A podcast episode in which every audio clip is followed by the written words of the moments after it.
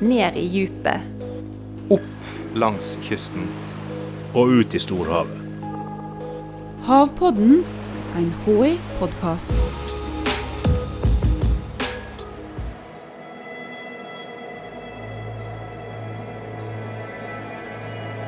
Antarktis, Sørishavet. Hva tenker du på når du hører disse ordene? Kulde? Pingviner? Eller kanskje norske eventyrere på ski? De færreste av oss har jo vært der. Kraftfull natur, mye storm, det var is, det var hav, det var mye inntrykk. Men en som veit hvordan det er å reise ut i felt så langt sør du kan komme på denne kloden, da er havforsker Bjørn Kraft. Eh, første gang var i år 2000. Da var jeg ferdig med hovedfag eh, på Universitetet i Tromsø. Og så fikk jeg et eh, engasjement i Norsk Polarinstitutt som ekspedisjonsleder til Bouvetøya. Så da ble jeg sendt ned dit som eneste nordmann og hadde ansvaret for et team da vi skulle jobbe med pingviner og med sel.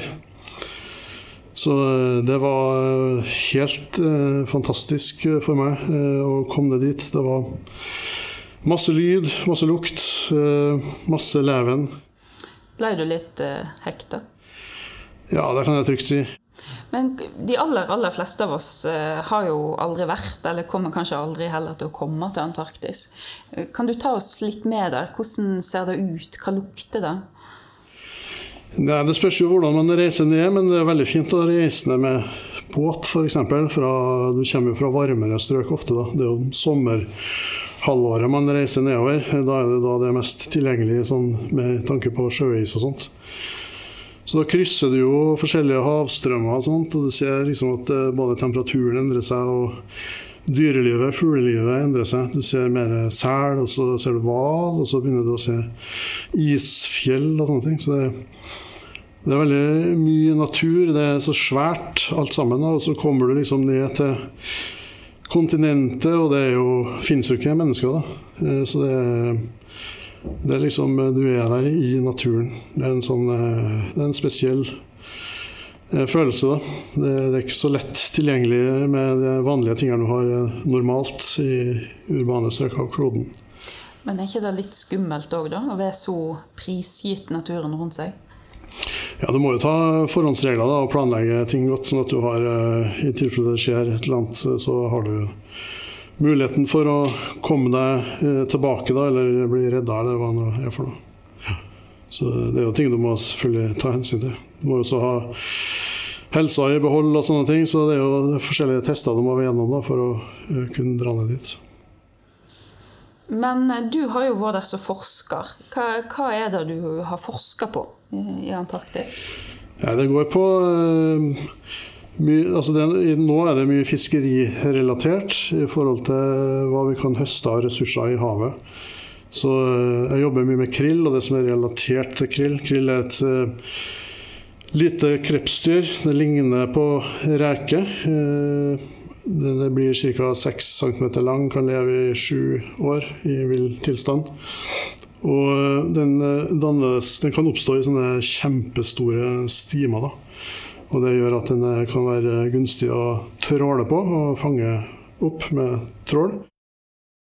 Krillen som blir fanga i trålen, blir brukt både til dyrefôr og i kosttilskudd med omega-3 til meg og deg. Og selv om Norge ligger langt unna Sørishavet, er det vi som fisker mest krill der nede. Men det er ikke bare vi mennesker som er glad i krillen. Den er hovedrett på menyen til hvalene, pingvinene, selene og sjøfuglen i Sørishavet. Derfor reiser Bjørn og forskerkollegaene hans sørover. De prøver å finne ut hvor mye krill det er i havet, for å sikre at vi mennesker ikke tar for stor del av kaka. Nei, Vi har en avtale med uh, norske uh, fartøy da, som fisker i Antarktis, uh, ved at vi får dra ned en gang i året og ta over en sånn båt med mannskap. Så gjennomfører vi et tokt rundt et øyområde. Vi kjører faste transekter, altså den båten må følge sånne bestemte linjer hvert år. Da. Og under båten så har vi sensorer som måler mengden av krill som vi passerer. Og så har vi også stopp underveis, hvor vi tar prøver av krillen med en eh, forskningsstrål. Så at vi får eh, sett på sammensetningene av eh, krill, men også de andre artene som finnes i sjøen. Og Da ser vi på sammensetning av kjønn, av modningsgrad og sånne ting, for å se på produksjonspotensialet og alt det her. Da. For da kan vi også forutsi hva som vil skje i årene framover, også når du har den type data. Så har vi jo modeller da, hvor du kan regne ut biomassen, eller mengden av kriller i et større område. Og basert på, på, dette, så kan dere si noe om hvor mye krill en kan fiske? Ja, altså de dataene vi samler inn, det blir da eh, eh, gitt til et internasjonalt forvaltningsorgan eh, som har eh, hovedsettet i Hobart i Australia. Og Der eh, kommer også andre medlemmer inn med sine data, og så blir det behandla der. Og så går det da inn i forvaltninga. Så forvaltninga av eh, krill i dag, den kan du si, den bruker et sånt føre-var-prinsipp. Det er satt en fast kvote som er veldig lav, og den skal da ta hensyn til at det ikke skal gå negativt utover verken krillpopulasjonen eller de andre dyrene som er avhengig av krill som byttedyr. I dag blir Antarktis forska på og forvalta for å ta vare på alle de små og store som lever her. Men slik var det ikke for 100 år tilbake. Da holdt det på å gå helt gale. Eh, mennesker begynte, begynte å dra ned dit for eh, ca. 100 år siden. Og eh, da oppdaga man jo at det var rikt med hval, og så ble det jo satt i gang et eh, fiske på hval, eller hvalfangst. Det var jo også mye norsk, eh, norske krefter som sto bak det her også. Eh, men det, hadde, det, fikk jo en litt sånn sørgelig eh, utgang, da. Det ble jo høsta for hardt, man hadde for lite kontroll på fangsten. Og man så etter hvert at det her gikk nedover, det ble mindre lønnsomt osv. Så, videre. så man oppretta jo forskjellige forvaltningsorgan da også. Eh, som også Norge etter hvert meldte seg ut av, fordi man mente at det ikke var eh, bærekraftig. Da.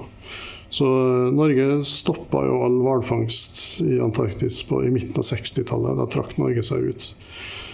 Og da var av mange av hvalartene ganske redusert. Så ja, i dag så har vi også tellinger. Og det er flere som eh, holder på med det her, og det er en trend nå til at flere av de artene som har vært ganske langt ned, er på vei til å ta seg opp igjen. Så det er egentlig eh, litt godt nytt for en biolog der nede nå? Det er godt nytt. Nå har hvalen eh, begynt å ta seg opp, og det er plenty med krill å spise. Antarktis, så du sier det er 100 år siden kom ned der og begynte å fangste i større skala. Og fortsatt så er det mye vi ikke vet. Ja, altså det her det, det, er mange blanke ark. Og det er det som også gjør det så fascinerende å jobbe der. Da. Eh, fordi det er så mye som er uprøvd og uutforska. Så det, det, er et eventyr å få lov til å holde på der. Så det er en liten eventyrer i deg, da? Ganske stor en, kanskje? ja, det er nok sikkert det som har vært med på å, å drive meg til å, å synes at det er interessant. Havpodden er en podkast fra Havforskningsinstituttet. Jeg heter Stine Hommedal og jobber her. Teknisk produksjon og lyddesign var det Febril Film som sto for. Og du, du hører snart igjen.